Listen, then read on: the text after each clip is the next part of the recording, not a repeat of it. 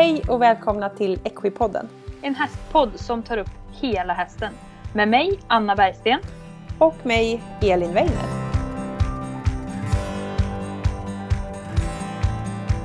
Hej på er! Eh, Välkomna till dagens avsnitt av Equipodden. Idag kommer vi prata om hästens uppbyggnad och hur, hur den är uppbyggd. Ja, göra. Mm. det är jag och Anna som poddar och vi vill först tacka så jättemycket för alla som har lyssnat och alla fina kommentarer vi har fått från första avsnittet. Det Absolut, så himla roligt. Superkul! Ja. Mer sånt. Jätte, jättebra att ni hör av er och, och undrar massa saker. Ja. Som vi ska göra vårt allra bästa för att kunna svara på. Skriv till oss, sociala medier, alla kanaler som finns. Det är bara att höra Mm. av sig. Precis. Eh, Ja. Hur har din vecka varit Anna? Jo, men den har varit bra. Alltså det är hektiskt. Det är inte... Det är mycket att göra. Jag har ju fått hem... Jag fick ju faktiskt hem en rehabhäst här dagen innan nyårsafton. Mm. Eh, som ska rehabiliteras. Och det är ju behandlingar och det är träning och det är för övrigt en travhäst som ska eh, rehabiliteras. Och jag kan ju faktiskt inte speciellt mycket om trav. Alltså det är lite det här som är spännande med hästsporten att det är ju samma djur men så många olika genrer. Ja, att man kan göra så himla mycket olika med dem. Ja, så att jag har ju fått sätta mig in i travvärlden här nu. Spännande. Eh, och ja, jättespännande. Det är ju en helt annan värld än vad ridhästvärlden är. Alltså. Ja, det är det. Och ja, så att eh, nej men det är jättespännande. Det är superkul och det är otroligt roligt att lära sig nya saker. Så ikväll faktiskt så ska jag åka till Axvalla. Och vara med, vara med och träna den här hästen. Spännande. Och se lite, ja så jag ska få åka tandemsulky. Ja, åh, det är lite obekvämt tror jag. Okej, det är det ja. Ja, Ja. ja. jag lär väl bli- jag lär väl märka det då. Ja. Nej, så att jag ska, jag vill ju se hur han rör sig. Jag var med förra måndagen också och så fick jag se hur han rörde sig. Men det är ganska svårt liksom när man ser 10, 10 meter på en travbana som är jättestor. Jag vill ju se liksom tempoväxlingar, hur rör sig hästen? Vad händer där? Vad händer här? Hur belastar den? Hur sned är den? Eh, han har precis lärt sig att gå rakt fram utan att Mm. gå som ett fyllo. Mm, Eh, för att eh, alla travhästar är som krokar och är jättesneda. mm. Så det är jätteroligt och det är kul eh, att se utvecklingen.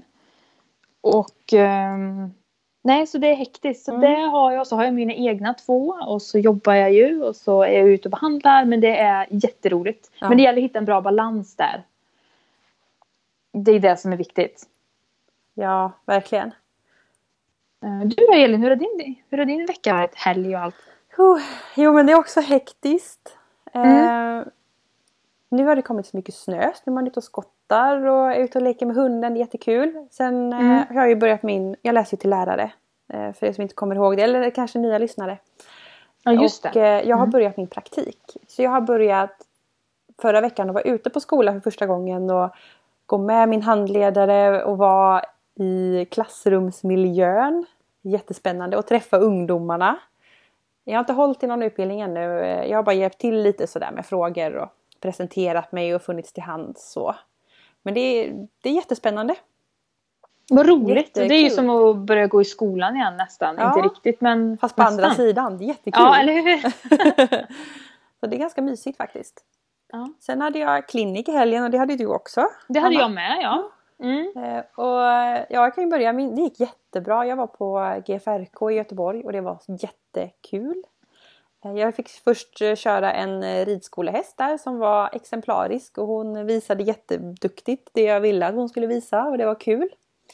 Och sen kom det en av mina kunder som har en fantastisk häst. Fina Britta, hon är så duktig och så fin och härlig att köra. Hon är lite svår. Men eh, hon är väldigt rörlig i allting så det gäller verkligen att tajma in henne så hon blir rak. Och när hon blir det så är hon fantastisk att köra och ger en sån himla fin känsla. Och Ja. man kan göra så mycket med henne. Så Vad roligt. Lisas ägare där var, eller Lisa som är Brittas ägare. Så ska det vara. Så Hästen fann- heter alltså Britta. Hästen heter Britta. Ja. Mm. De var så jättesnälla och kom körandes med henne för kliniken där.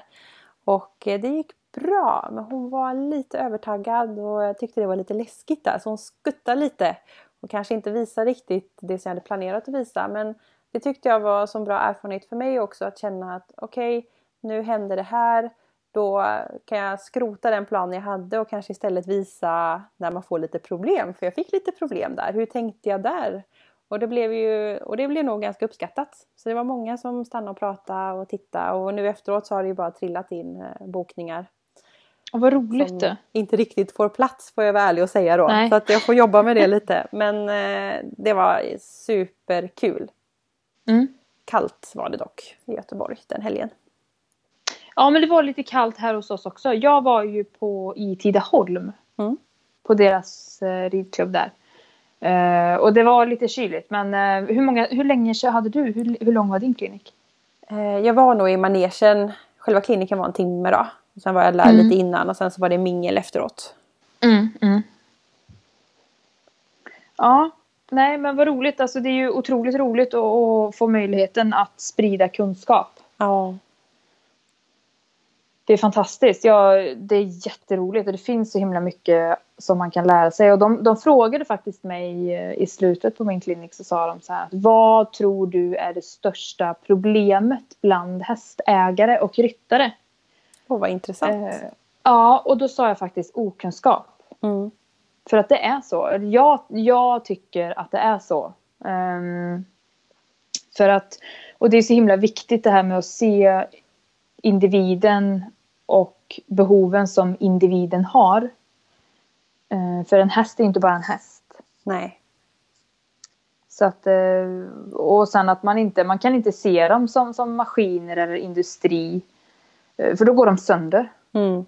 Och jag tror att anledningen till att många av de här, men inom travet och galoppen så kan jag ändå uppleva att det är det är ju en industri. Det mm. är ju så. Det är ju ofantlig omsättning på hästarna och funkar de inte, nej, men då byter man dem bara. Det är så mycket pengar det, inblandat.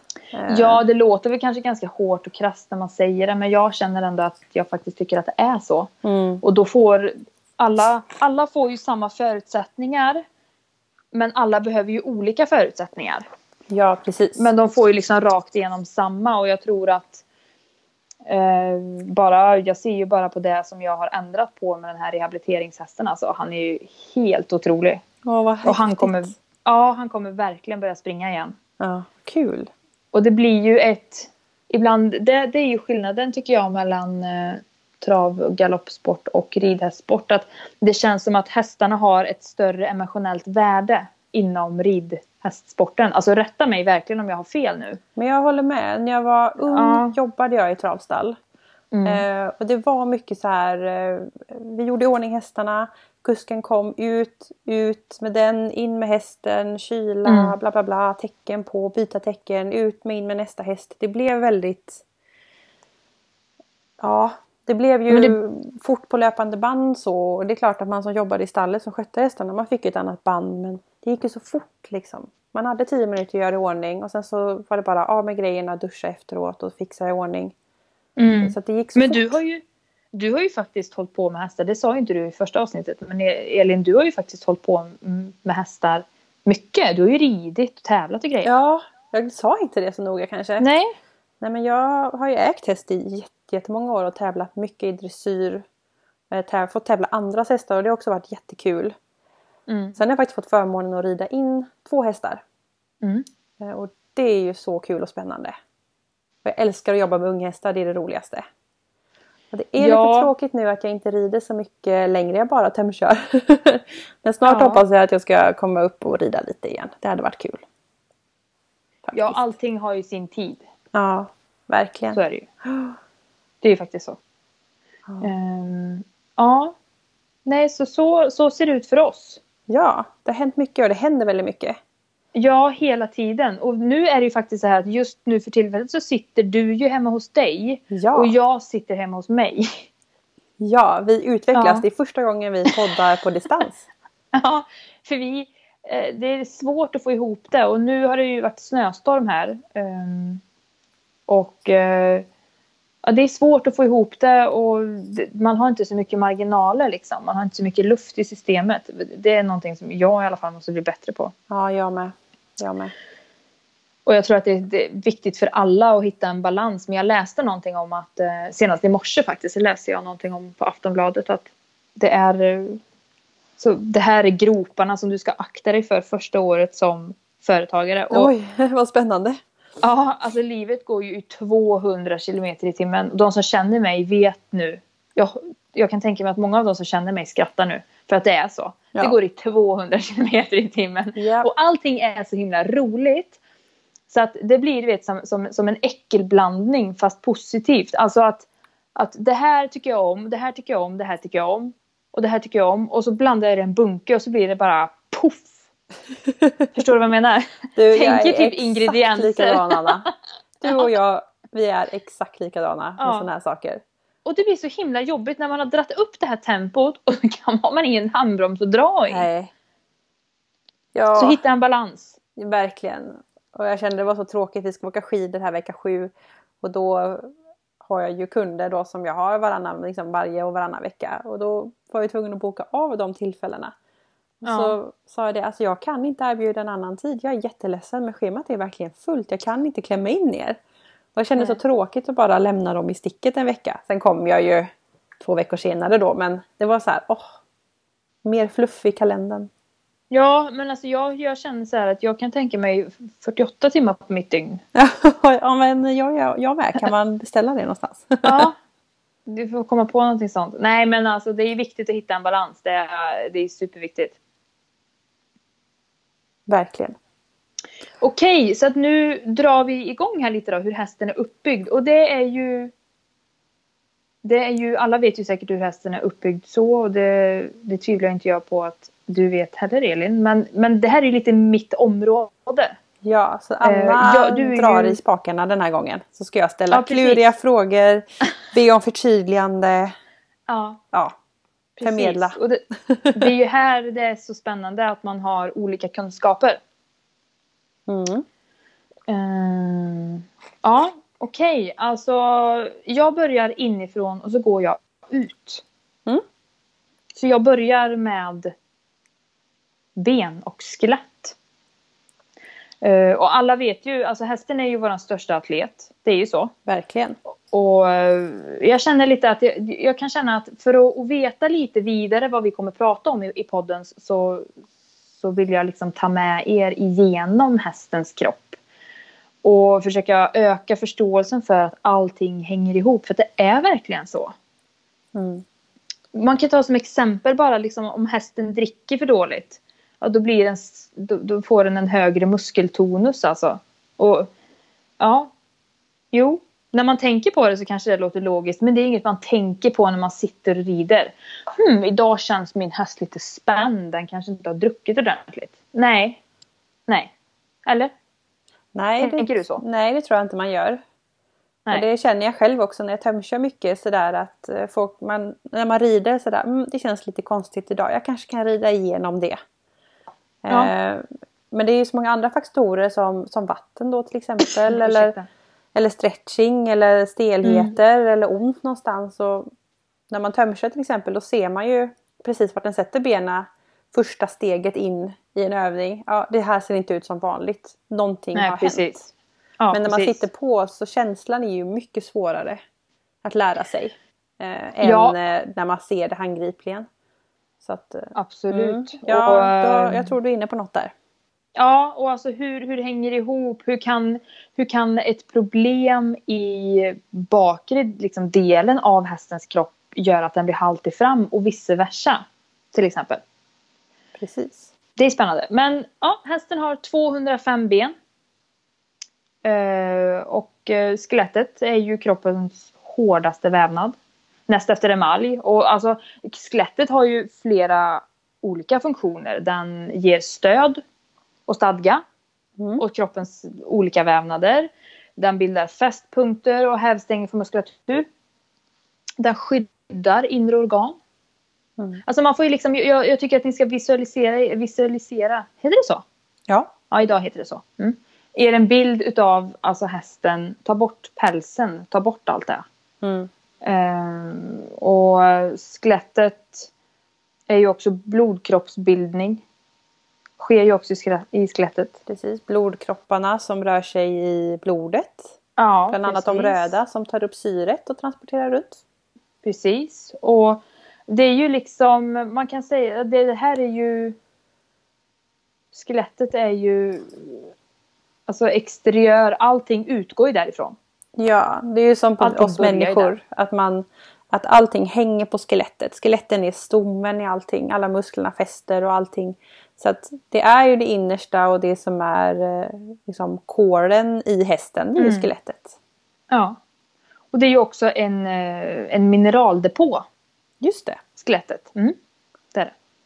Och ben då, det är levande vävnad. Och levande vävnad det betyder ju liksom att den omsätts, den bryts ner, den byggs upp. Eh, den förändras. Mm. Det är ju så, vi vet ju bara överben till exempel. Yes. Eller om Kommer man bryter komma- ett ben. Precis. Vi kan läka Precis. saker. Mm. Och när, när det är fosterstadie då är det ju, det är ju brosk, det är inte ben. Mm. Eh, och eh, brosket ersätts ju av benvävnad. Och, och då kommer man ju lite till det här med växtfaser också. Alltså nu när det är vinter, för det är ju faktiskt januari och, och full snö när vi spelar in det här nu. Mm.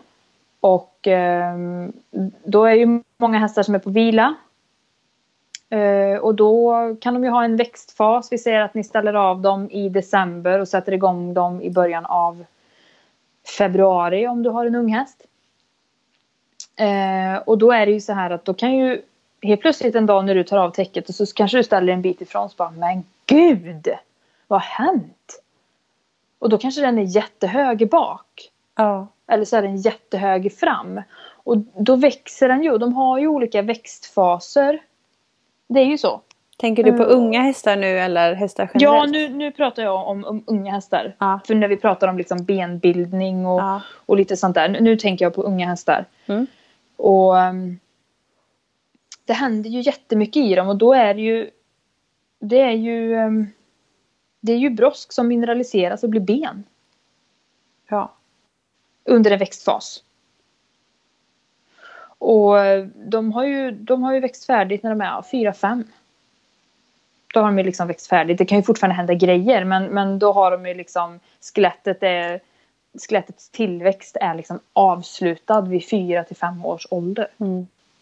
Det är ganska länge om man tänker på att vi börjar sitta på dem ganska tidigt. Ja, precis. Och det här kanske man liksom också kan få...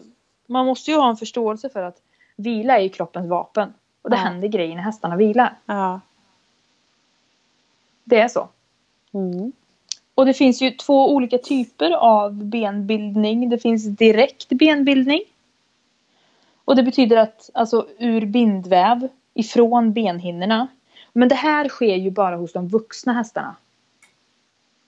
Utan den här typen av benbildning, alltså direkt benbildning, det, det sker hos vuxna hästar. Så nu pratar inte jag om Okej. tvååringar. Ja. Eh, och det ger alltså en breddökning av benet. Okej, alltså i diameter på benet. Ja, Eller som blir större. överben. Ja. Det ger en breddökning. Ja. Och sen så finns det indirekt benbildning. Och det är ju från alltså hyalint brosk. Och det är ju det här, det är ju det här när det, den här mineraliseringsväxtfasen. För det är ju brosk som mineraliseras och blir ben. Precis. Och det, det här, nu pratar vi unghästar.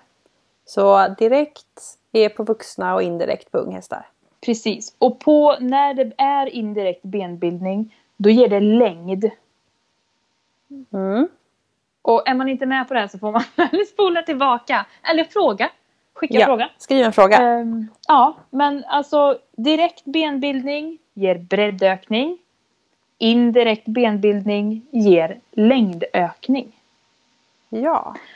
Och då, Men då kan man ju tänka att ja, men om man tar ett ben i benet på fölet så Mm. växer ju det och det blir ju högre fölet när det växer så då blir det ju på längden. Precis. Och, har du, och då kommer vi ju lite in på det här, nu, nu går vi lite före här, men när vi ändå pratar om det här så man kan göra en, en förknippa det lätt så överben. Mm. Och överben är ju det finns ju olika typer av överben. Det finns ju belastningsöverben. Ska vi förklara vad ett överben är först, vart det sitter? Ja. Eh, det Eller du kanske kommer på... till det? Ja, men det kan vi ta nu när vi ändå är här och, Ja. och gräver. Eh, så överben är ju... det sker ju oftast på, vad ska man säga, mellan knä och kota. Ja. Så kan man ju säga för att, för att verkligen måla upp det, för att inte använda för mycket begrepp här.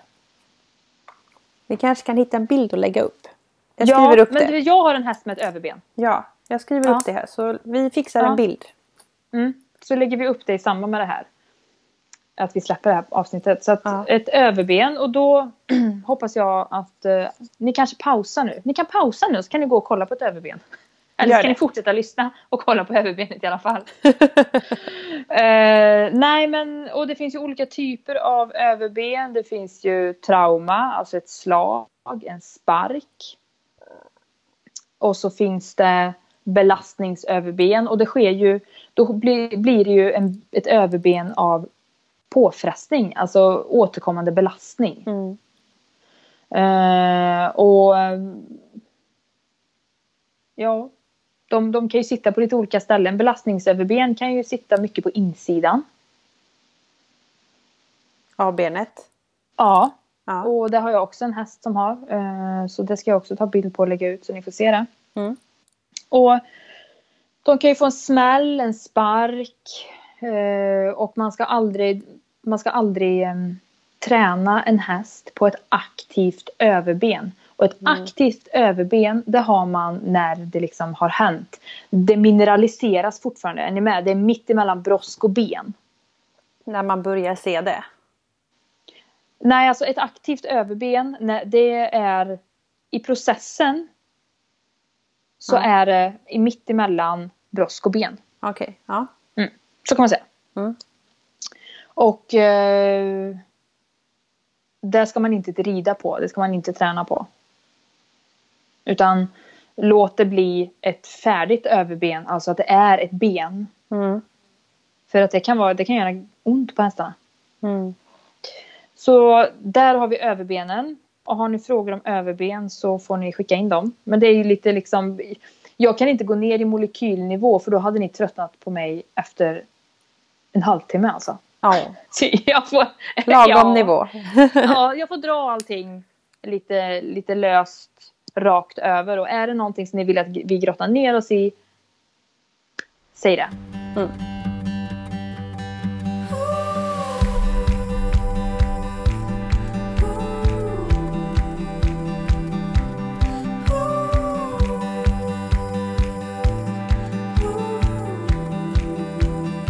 Hästen har ju sju halskoter. Mm. 18 ryggkotor. De har sex ländkotor. Fem korsryggskotor och sjut- me- någonstans mellan 17 och 21 svanskotor. Det, beror, det, här, och det här beror faktiskt på vilken ras det är. Just det. Ja. Eh, Och någonting som jag också ska ta med om liksom, alltså skelettets primära funktion det är ju det bestämmer ju ramen på hästen. Det är också en hävstång för muskulatur Mm. ja, exteriör, inre organ och allt det här som jag sa förut. Men ja, det är ju lite om, om skelettet. Mm. Eh, sen så, så kan jag ju flika in här då när vi ändå är på skelettet så jag slipper hoppa fram och tillbaka. Att det finns ju någonting som heter osteokondros. Oj, det får du förklara vad det är för någonting. Ja. Vad svårt ord. Är, ja, eller hur? För- Förkortningen är OCD. OCD. Os, vad Ja. heter det igen? Säg igen. Osteokondros. Osteokondros. Ja. Ja, spännande. Ja, och jag förstår om det inte är så många som är liksom med på det begreppet. Men jag tror att det är många som har hört lösa benbitar. Ja, Ja, och det är samma sak. okej. Fast det fina Ja. namnet då. Precis, det är det fina namnet. Så det här är lösa benbitar.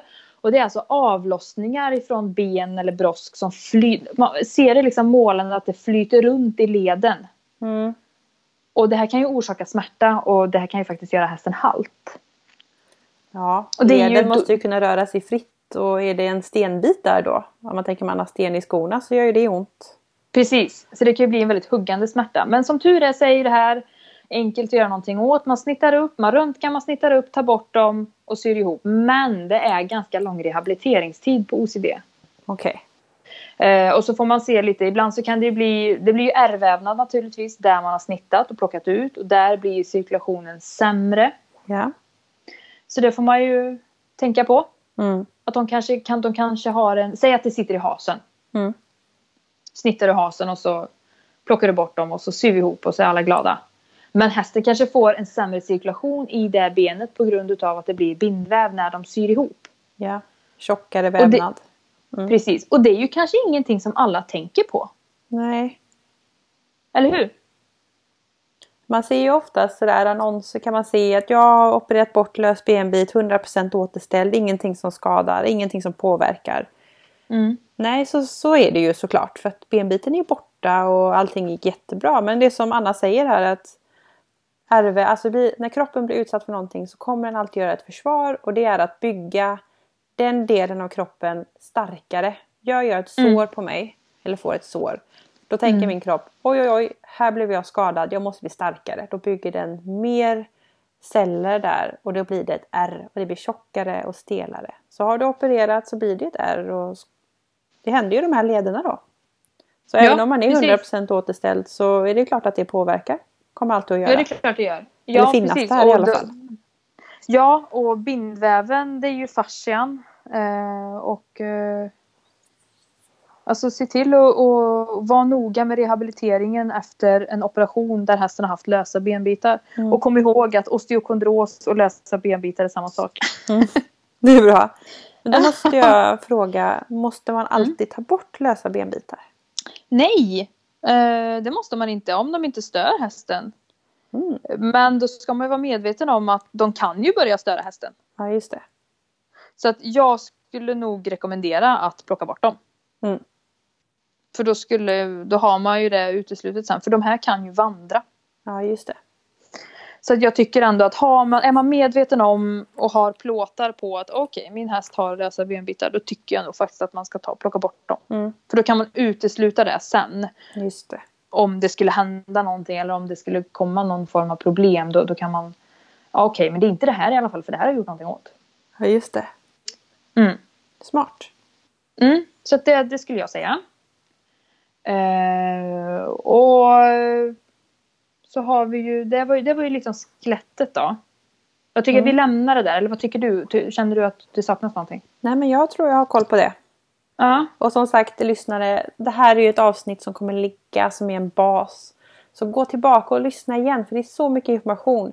Lyssna, sitt och njut. Sen en vecka senare eller kanske ett halvår senare ta med ett anteckningsblock, lyssna igen, arbeta igenom få en uppfräschning. Det här är en bas ja. i, i hästen som Anna ger oss här nu och det är väldigt kul.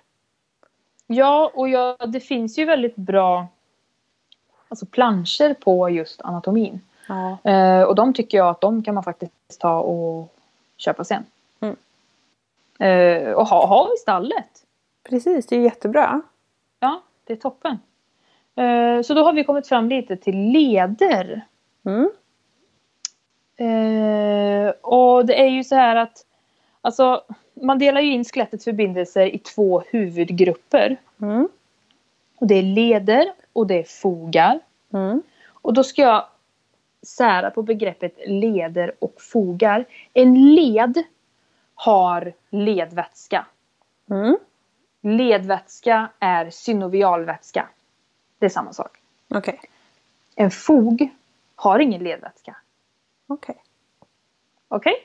Så där ben mm. möter ben kan det antingen vara en fog eller en led. Eller en led. Och är det vätska så är det en led. Precis. Ja, uppfattat. Och det finns ju... Bra! Eh, och alltså hästens vanligaste sjukdomar är ju faktiskt i rörelseapparaten och framförallt i lederna. Ja. Alltså i ledapparaten. Och det vet vi ju, kotledsinflammation, hovledsinflammation. Ja. De här lederna, jag tycker synd om de här lederna ibland. Ja, väldigt mycket sånt. Ja, ta emot här nu mycket. um, ja, alltså nu ska jag dra det så att, för det här, det här är ju så djupt alltså. Ja. Uh, och det blir inte, jag, jag, behöver inte jag behöver inte grotta ner mig för mycket. Men, men alltså den mest utsatta leden hos hästen det är faktiskt kotleden.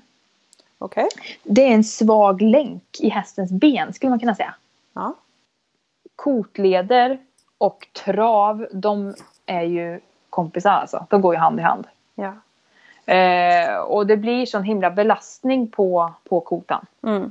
Och kotan, vill du förklara vart den sitter någonstans? ja, kotan är klumpen ovanför hoven så skulle man kunna Mm, säga. Väldigt oprofessionellt Ja. beskrivet. Men väldigt målande också. Ja, så det, på alla fyra ben finns det en kota. Ja, precis. För alla våra lyssnare som... precis. Du har ju knät och sen så är det rakt och sen så har du kotan. ja. Eh, och då är det så att jag ska alltså försöka och inte grotta ner mig för mycket. Men alltså ledslitaget på hästen det beror ju lite på vad du har för häst. Mm. Och vilken disciplin du är inom. Mm. Och ja, lite exteriört. Hur ser hästen ut? Har den sluttande bog? Har den liggande bog? Har hästen en sluttande bog? Då blir ju trycket på kotan väldigt starkt. Eller det blir väldigt mycket Mm. tryck på kotleden. Mm. Och det, då kan det ju faktiskt vara så här att åh, min häst den får kotledsinflammation hela tiden. Eller Ja. den har en kronisk kotledsinflammation. Vad gör jag för fel? Och, men backa bandet och kolla exteriören. Och det kan ju faktiskt vara så här, vill ni, vill ni veta vilken typ av exteriör eran häst har? Men hör av er till oss. Skicka lite bilder på era hästar och var lite så här att men du, jag har det här problemet. Ja. Kan det här hänga ihop med min hästs exteriör? Det Ja. tycker jag att ni kan göra. Det Det är ju kul. superroligt. Ja. Och så får vi gärna få reposta bilder så vi kan lägga upp lite bilder på lite olika hästar. Ja. Och så säger, liksom, kan Anna ha tankar då, ja men det här har den här typen av bogen, är sluttande eller inte. Och, Ja. jättebra idé. ja, så gör det.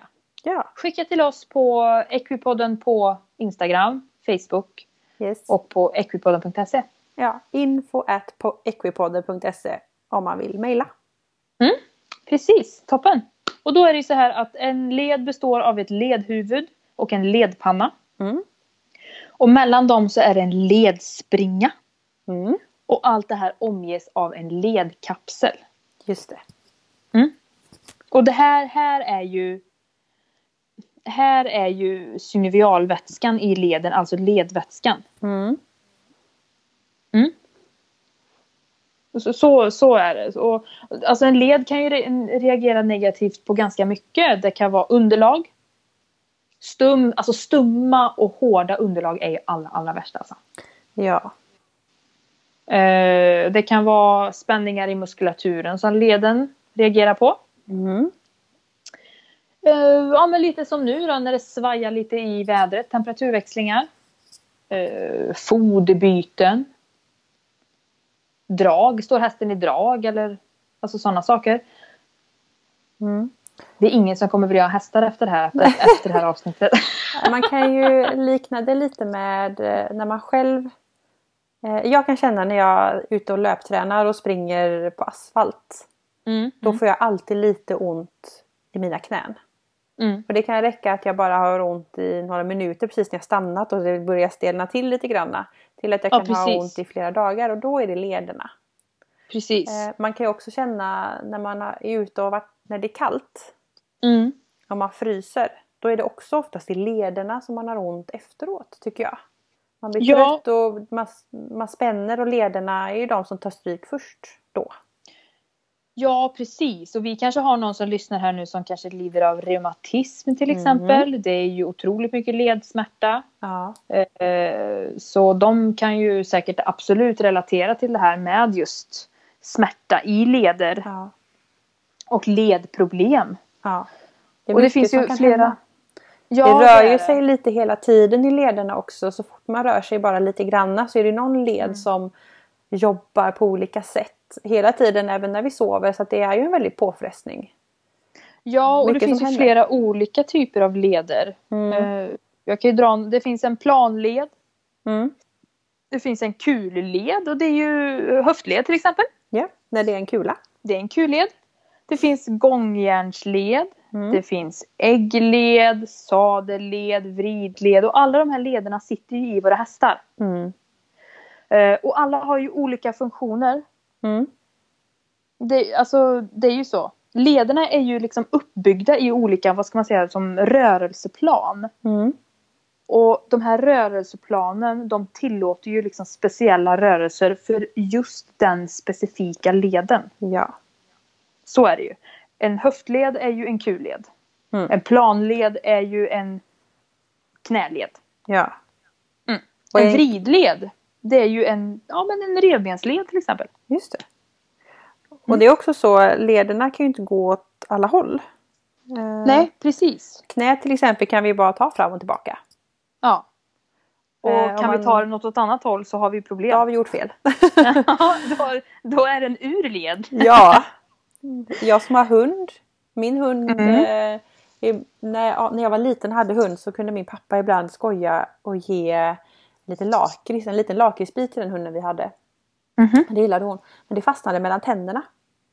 Okej. Och eh, hundars käkled kan bara gå upp och ner. Det är ju då en, Oj då. vad heter den leden då? När den bara går upp en, åt ett håll. Eh, ja, Som knät. alltså gångjärnsled Ja. går ju alltså åt ett håll. Nej men jag tänkte det bara, den kan bara öppna och stänga munnen. Så hon, när hon fick den här godisen då så, och det fastnade i tänderna skulle hon ligga jättelänge och så här suga Aha. lite för att det fastnade i tänderna men hon kunde inte få bort det för hon kunde bara ta upp och ner. Så det var ju lite roligt. Ja, det är ju superbra. Jag trodde du skulle berätta hur käkleden gick i led. Jaha, nej nej nej. Nej. Nej nej nej. Det var skönt, det var skönt det.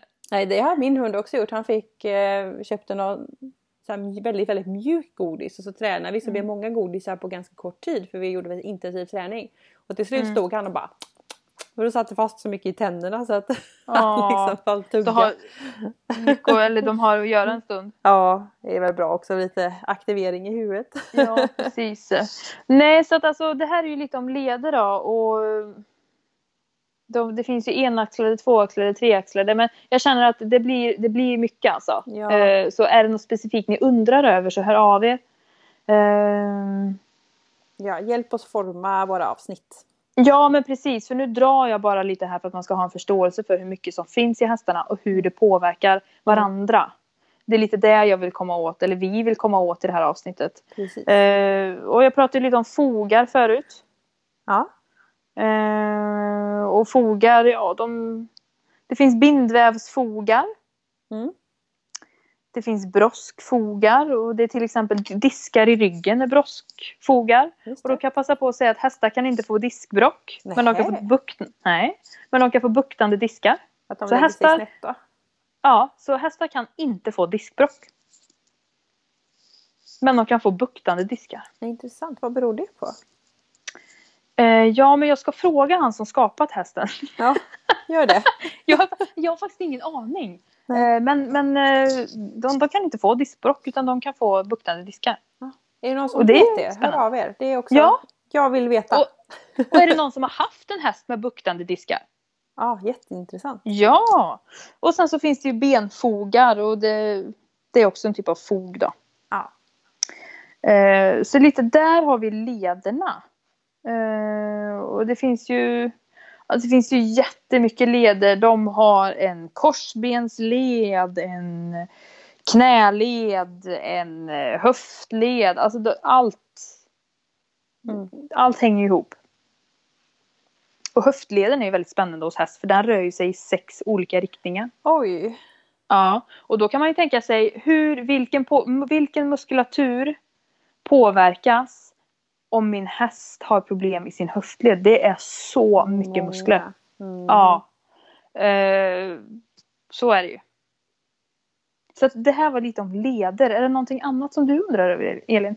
Nej, jag tyckte det var ganska lagom. Vi kommer väl kanske, Ja. alltså, det, alltså som vi sa innan, det är ju mycket problem man möter med lederna. Kotledsinflammationer och sånt där och överbelastningar. Mm. Men eh, nu vet vi hur leden är uppbyggd och, hur det finns, och att det finns mycket leder. Så att, eh, vi Mm. kanske kan eh, nämna närmare i andra avsnitt när vi pratar mer om sådana saker. Precis.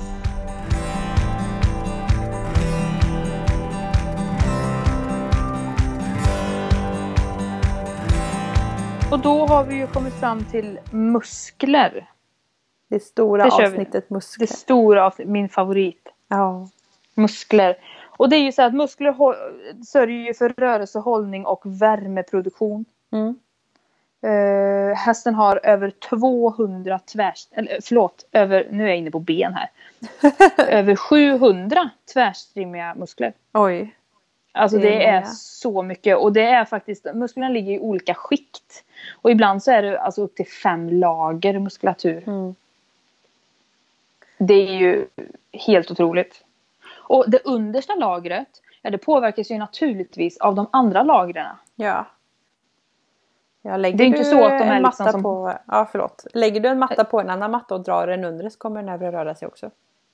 Ja men precis, och har du, äh, har du en spänd muskulatur i de övre lagren, ja naturligtvis så påverkar det de undre lagren. Mm. Eh, och hästen har två tredjedelar av sin totalvikt på frambenen, eller från armbågen och framåt. Ja. Och jag tryckte ju på det på min klinik. Och eh, alla som har varit i kontakt med mig eller haft ute mig vet att jag säger att stärk hästen bakifrån och fram. Mm. För har den en svag framdel och mycket, mycket motor i bak, ja då får framdelen av kroppen ta emot en hel del och då blir det överbelastningar och då får man problem. Mm. Det bara är så. Men så jobbar jag också mycket. Om jag får Mm. bakbenen på plats och löser problemen bakifrån så kommer huvudet trilla ner sen. Mm. Om jag börjar andra änden och börjar trycka ner huvudet och inte har med bakbenen då kommer jag få skador. Precis. Och alltså musklerna utgör ju 60 Mm. av hästens totala vikt. Ja, det är mycket. Det är jättemycket och den, den stabiliserar ju kroppen aktivt i olika lägen. Mm. Och en muskel kan ju faktiskt aldrig bli helt neutral. Nej. Den ligger liksom aldrig i mellanmjölken, så kan man säga. För att den arbetar ju emot hästen på ett aktivt sätt hela tiden. Ja. Alltså antingen så är den ju, vad kan säga, en kontraherad muskel. Det är ju en, en sammandragen muskel och den är kort, tjock och hård. Mm. En relaxerad muskel, den är ju lång, slapp och mjuk. ja, just det. Och jag menar alla muskler kan ju inte vara relaxerade på en gång. Nej. Nej, för då står inte hästen upp. Nej. Då andas inte ens hästen. Nej. För att du, utan muskelfunktion kan inte ens hästen lyfta hoven ifrån marken. Mm. Men precis och som du sa, andning, att maten i tarmarna rör sig liksom bakåt och bearbetas. Allt det är också muskelarbete. Ja, absolut. Och Så att alltså hästens allt är rörelse. Ja, allt i rörelse. Eh, och um, skelettmuskulaturen måste ju jobba med ett ben. Mm. Så här, här kopplar vi ju ihop. Här har vi ju skelett och ben. Mm. Och då är det ju så här att alltså en muskel och ett ben tillsammans så bildar de en hävarm. Mm. Och då fungerar ju skelettet som en hävstång. Just det. Är du med? Eller är ni med? Jag hoppas det. Jag tror det. Bra. Eh, och nu så har ju inte jag tagit med de inre organen. Men Alltså då, då kan jag ju snabbt bara säga då att muskulaturen påverkar ju också de inre organen och varje muskel har en organkompis. Jaha, Ja, musklerna och organen de är ju också kompisar naturligtvis. såklart. Och, ja, såklart. Och har du en, vi säger att eh, hästen har en spänd bukmuskulatur. Mm. Och då påverkar det ju magen till exempel. Mm. Det är därför man kan säga så här att en kolikhäst behöver inte ha någon kolik eller man kan underlätta koliken med massage. Just det. Det pratade vi om i första avsnittet. Ja, jag har en häst som får massage var fjortonde dag och han har inte haft en kolikkänning sedan jag lärde känna honom. Vad trevligt. Och han hade jättemycket kolik förut. Ja, det är fantastiskt. Ja. Så alltså med muskulaturen kan man ju påverka de inre organen och de inre organen man kan säga att de pratar då genom muskulatur och hud. Och Mm. huden kommer vi ju till sen. Mm. Men det är lite så. Så att allt hänger ihop ja, verkligen. igen. Mm. Eh, ja, och musklerna arbetar ju. Det är aldrig bara en muskel som, som jobbar. Utan de, de jobbar ju faktiskt tillsammans. Ja.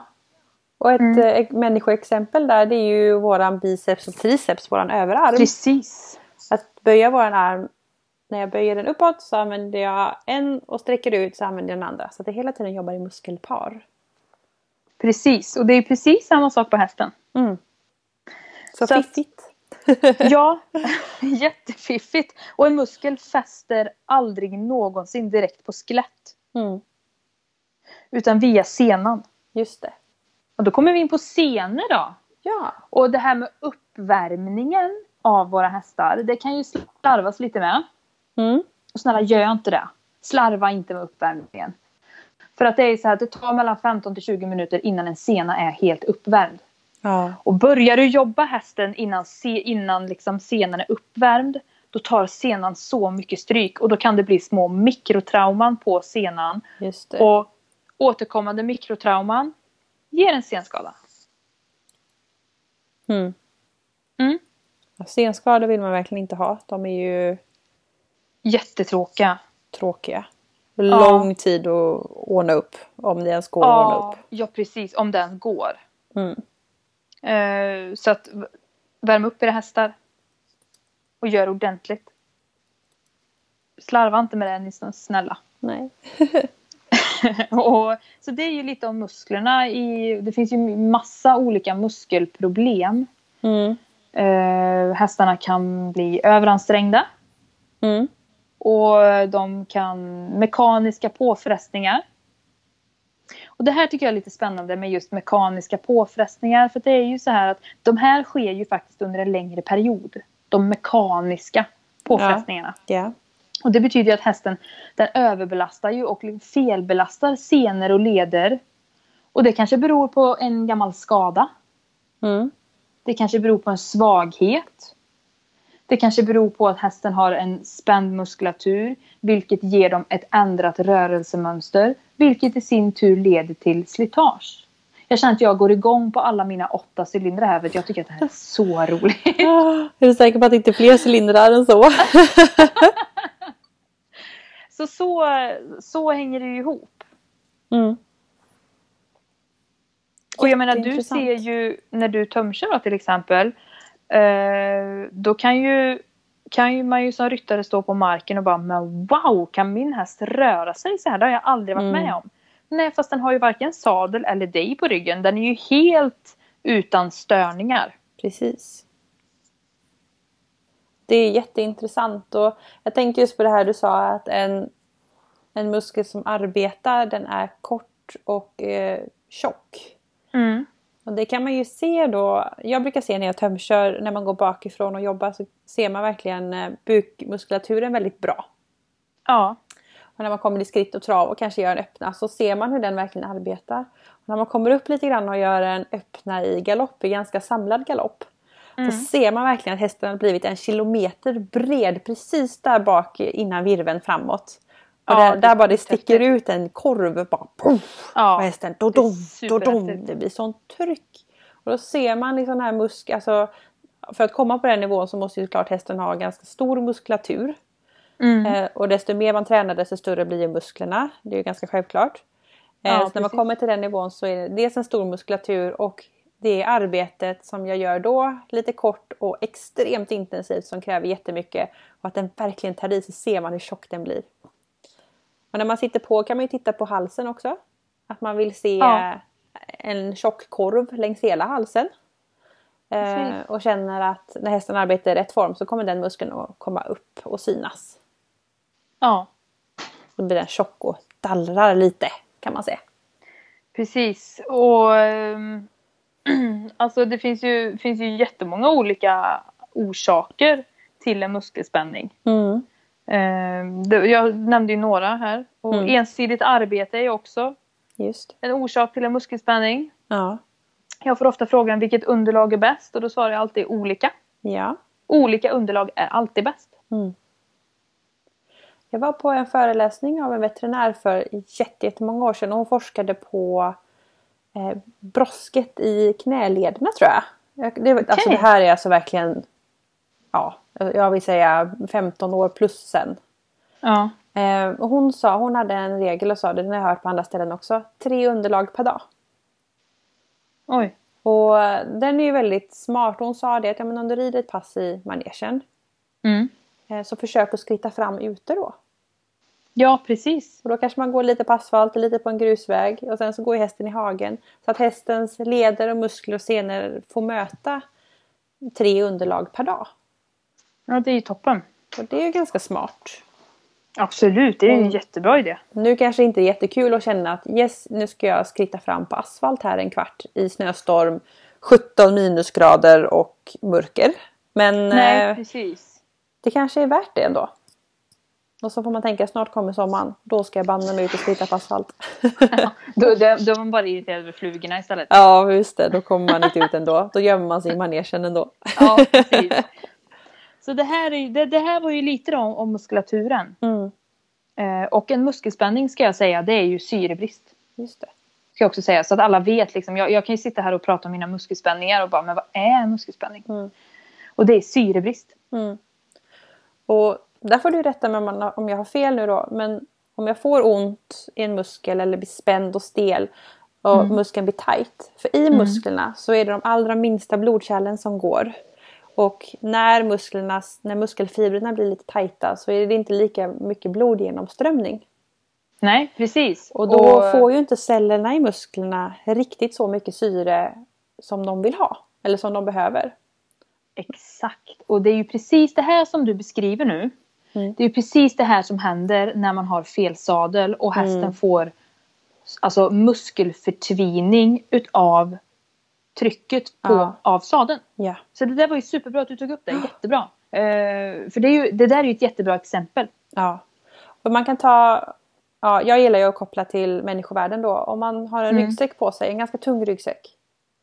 Och så går du med den ett antal timmar. Mm. Jag har inte sagt det men jag har jobbat som militär innan. Och då gick Mm. vi långt med ryggsäck. Eller tung utrustning. Eh, som hängde. Och då får man väldigt ont i axlarna. För att det blir inte den här genomströmningen i muskulaturen. Eh, och när man tog av sig sen, om man hade gått en stund, så kunde man verkligen känna hur blodet kom tillbaka. Ja. Eller om man får en massage. Om de masserar dina axlar så känner man verkligen hur blodet går in och det börjar klia nästan i musklerna för att plötsligt bara, det bara forsar in blod. Och då kan eh, cellerna lämna ifrån sig eh, sina slaggprodukter som de inte behöver ha. Mm. Och de kan ta in nytt syre och fortsätta sin produktion. Men om du varje dag får gå med samma ryggsäck jättemånga kilometrar, tungt, samma sadel på din häst, många timmar, alltid tryck på fel ställe. Och Ja, och musklerna inte får sitt syre, de får inte lämna ifrån sig sina slaggprodukter. För när du tränar så blir det en produktion i musklerna. Det bildas mjölksyra kanske som inte får lämna utan det stannar kvar i cellerna. Det går inte... Ja, det är klart du får ont. Ja, och sen så alltså fel sadel och sen kanske också, det här är spännande, det här är väldigt spännande, det här ska vi göra ett helt eget avsnitt av, Ja. ryttaren. Ja, För rätt sadel kan ju bli fel om ryttaren sitter fel. ja. Och fel sadel och fel ryttarsits, ja, det är ju katastrof som ni förstår. Mm. Så att eh, det här med sadeltrycken, det är ju jättespännande och det är någonting som jag möter väldigt mycket. ja. Eh, och utrustning, det är svårt. Ta hjälp. Jättesvårt. Mm. Och när ni tar en sadelprovare, se till att den också då kan ryttaren. Som Anna säger här att jag har ägt en friserhäst i jättemånga år sedan jag tävlade. Ja, friser de är ju så fina. Men Ja, hon superfina. var så himla överrörlig också. Så hon rörde sig så mycket, hade så mycket gång och så mycket rörelse i, i sin rygg.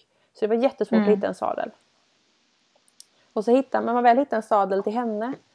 Då var nästa problem att jag kanske inte passade i den. För jag själv Nej. är också jätteöverrörlig som, som människa. Och att jag ska få rätt stöd för att inte glida snett i sadeln för att jag är överrörlig. Så behövde jag en viss typ av sadel. Så att Ja. bara för att sadeln passar hästen behöver den inte passa, passa dig. Så att var noga med att du sitter bra i sadeln och får det stödet du behöver. För om du börjar Precis. bli sned och trycka snett så kommer hästen bli sned också. Det är ju Mm. självklart. Ja, det är ju självklart. Så att eh, jätteviktigt. Bra att du sa det. Ehm, så, men så där har vi lite muskulaturen då. Jag, eller? Du, känner du dig nöjd? Jag Ja. tycker vi har brutit ner det bra alltså. Jättebra! Jag har Ja. lärt mig massa nya saker. Ehm, så då kommer vi ju faktiskt till huden. Vi, Mm. kommer göra, vi kommer ju faktiskt göra speciella avsnitt för typ tänder. Där vi Mm. kommer ha med en tandläkare. Mm. Ehm, men så, så den lämnar vi lite. Mm. Vi har ju hästen, jag kan ju säga då att hästen har ju tandbytningsfaser, kan man säga så? De tappar tänder. Ja. Två och ett halvt, tre och ett halvt, fyra och ett halvt. Ja. Mm. Eh, men så har vi huden. Och alltså huden är ju egentligen, det är, det är ju en, en lunga till på hästen. Så Mm. hästen har ju då, frågar man mig hur många lungor har hästen? Ja, tre. Mm. För huden är ju också ett resultat av hur hästen mår. Den visar ju lite det. Ja. Och då kan jag också säga att en häst som är sur i kroppen invändigt. Ja. De kan bli hudömma. Alltså de Ja. tycker inte om när du tar på dem. Ja. Eh, och huden, pälsen. När jag säger huden då menar jag ju huden och pälsen. Ja. De sitter ihop. Eh, ja, precis. Och det kan ju visa också mycket hur hästen mår. Mm. Hur, och du pra- liksom, det, det är ju skillnad på en, en glans i håren för att hästen mår bra och en glans i håren för att du har mycket pälsglans. Ja, just det. Eh, och ehm, huden... Ja, huden är ju en spegel lite grann av hästen tycker jag. Mm. Och det är också samma på oss människor. Jag vet själv så här, om jag blir väldigt stressad och mår ganska dåligt, då får jag dålig hy. Precis, exakt. Och du kan bli, dricker du dåligt och sover dåligt och du kanske äter dålig mat. Mm. Nu kommer det, jag fryser lite här nu så nu kommer jag dra upp min tröja så det kommer låta lite. Ja. Så. Eh, jag var tvungen att gå upp och röra lite på mig hemma för att jag är lite frusen. Ja. Och eh, så om det låter så är det jag som går omkring. Jag ber om ursäkt för det. Jag hoppas inte att det låter för mycket.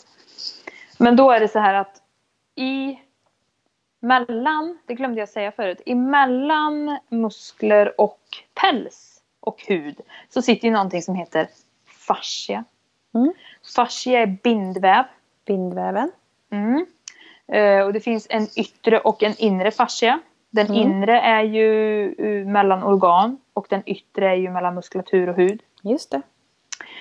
Och ehm, fascian ska ju vara fuktig och elastisk.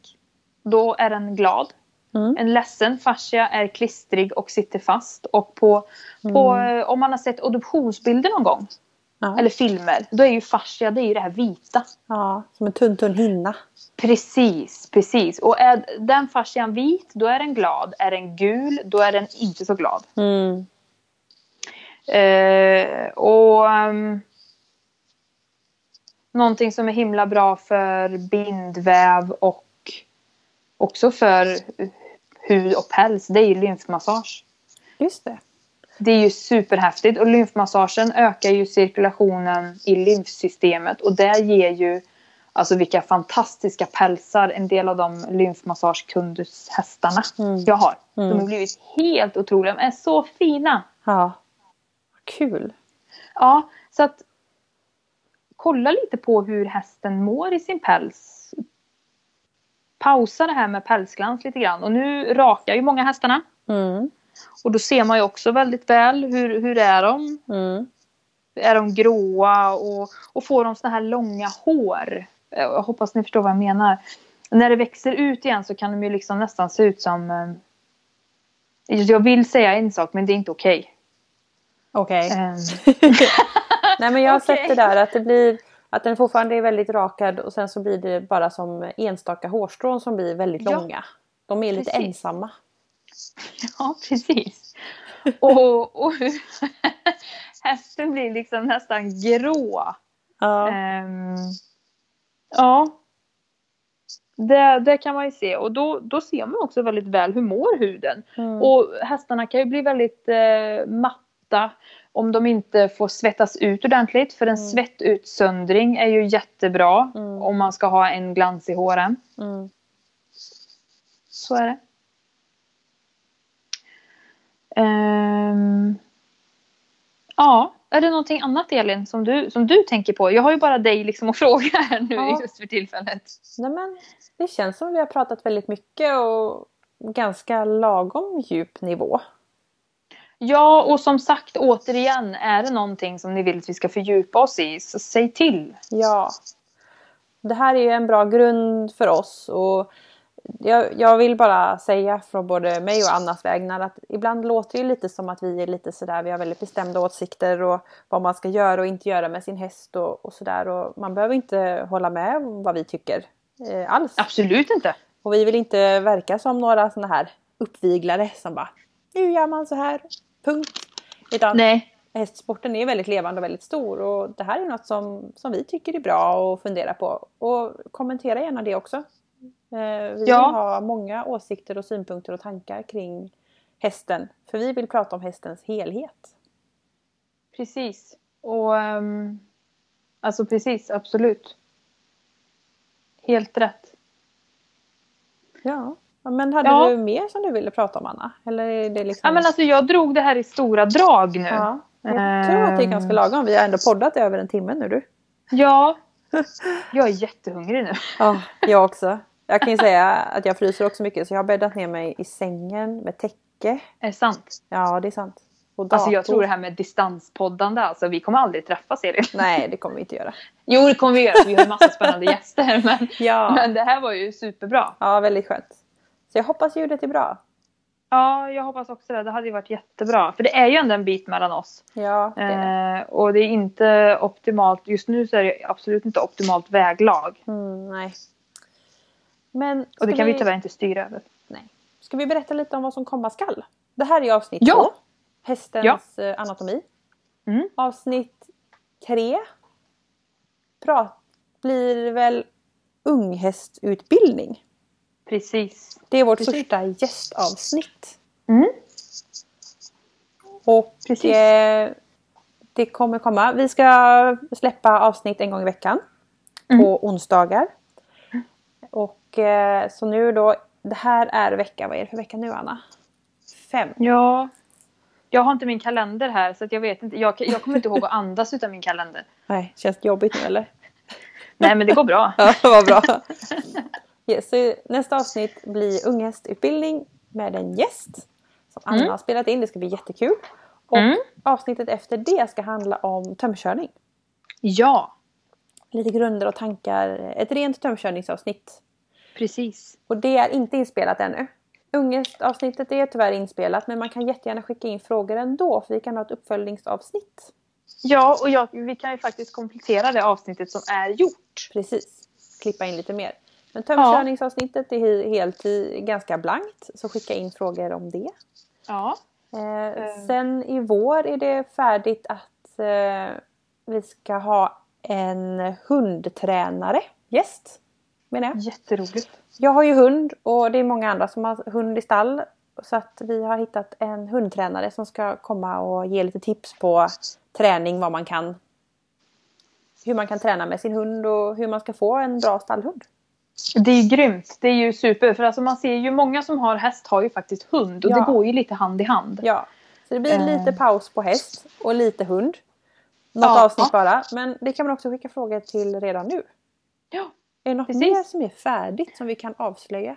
Alltså ja, det har vi ju. Vi har ju patellan, alltså Patella kommer. bakknäna. Det, är ju, det har vi ju redan fått frågor om. Ja. Det, det är ju superroligt tycker jag. Yes. Ehm, vi kommer ha ett patella-avsnitt Japp. som handlar om vad är patellan? Vart sitter det? Vad Mm. innehåller det? Patellaproblem, upphakningar, allt det här. Och vad kan man göra för att stärka sin häst? Ja. Det kommer vi gå igenom. Mm. Eh, vi kommer ha ett över och underlinje avsnitt. Yes. Det kommer också ganska snart. Ja, eh, för vi vill ju att ni ska liksom ha en vi, ni, När vi sen tar upp problematik då känns det så viktigt för oss att ni har en, en klar bild över hur det ser ut innan det blir problematik. Mm. Precis. Så att man har det med sig. Och sen så kommer vi ta upp kissing spine. Ja. Det är också ryggar. Japp. Eh, vi kommer ha ja, en tandläkare. Mm. Vi kommer ha en hovslagare. Japp. Och det här, vi kommer också ha en mental coach. Superkul. Så himla roligt. Vi kommer också träffa, eh, tillsammans så kommer vi träffa en tjej som är grundaren till ett visst eh, foder. Mm. Eh, vi kommer ha en gäst som håller på med hästtransporter. Ja. Ja, alltså vi har ju så himla mycket roligt framför oss känner jag. Alltså när man lyssnar nu Mm. så känns det som att det kommer bli mer än ett avsnitt i veckan. Ja, jag vet, vi får, vi får sprida ut det. Men ett Ja. avsnitt i veckan är ju bra. ja. Precis. Och det, vi spelar ju in några i förväg och kommer att lämpa ut i, i för annars lite längre fram. Men vi Mm. kommer säga när det är ett förspelat avsnitt. Precis, och vi kommer också, det kan jag säga nu också. Jag och Elin kommer träffa en sadeluprovare. Ja. Eller ja, en sa, ja, sadeluprovare.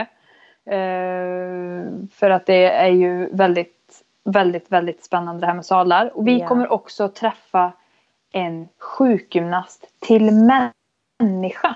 Ja. Mm. Eh, jätteroligt. Det finns väldigt mycket. Väldigt Ja, mycket. det finns jättemycket. Ja, men det... Ja. Sen får det bli lite Ja. överraskningar. Vi får väl se. Precis, det blir nog jättebra men ehm, ja, hoppas ni har tyckt om det här. Ja, tack så jättemycket för all fantastisk feedback vill, jag, vill vi säga igen. Så Ja. kul! Fortsätt lyssna, sprid, dela, tagga. Equipodden, Instagram, Facebook. Hemsidan är inte färdig ännu. Nej, här sitter vi gör reklam för någonting som inte finns. ja. Men info the equipodden.se. Ja, på, Ja. och mailen funkar. Info equipodden.se. Precis. Toppen. Bra. Tack så jättemycket för att ni lyssnar och ha en fantastisk vecka. Ja, och var rädda om varandra och eh, använd brodd. Just Det det, på både människa och häst kanske. Bra. Tack så mycket. Hej då! Hej då!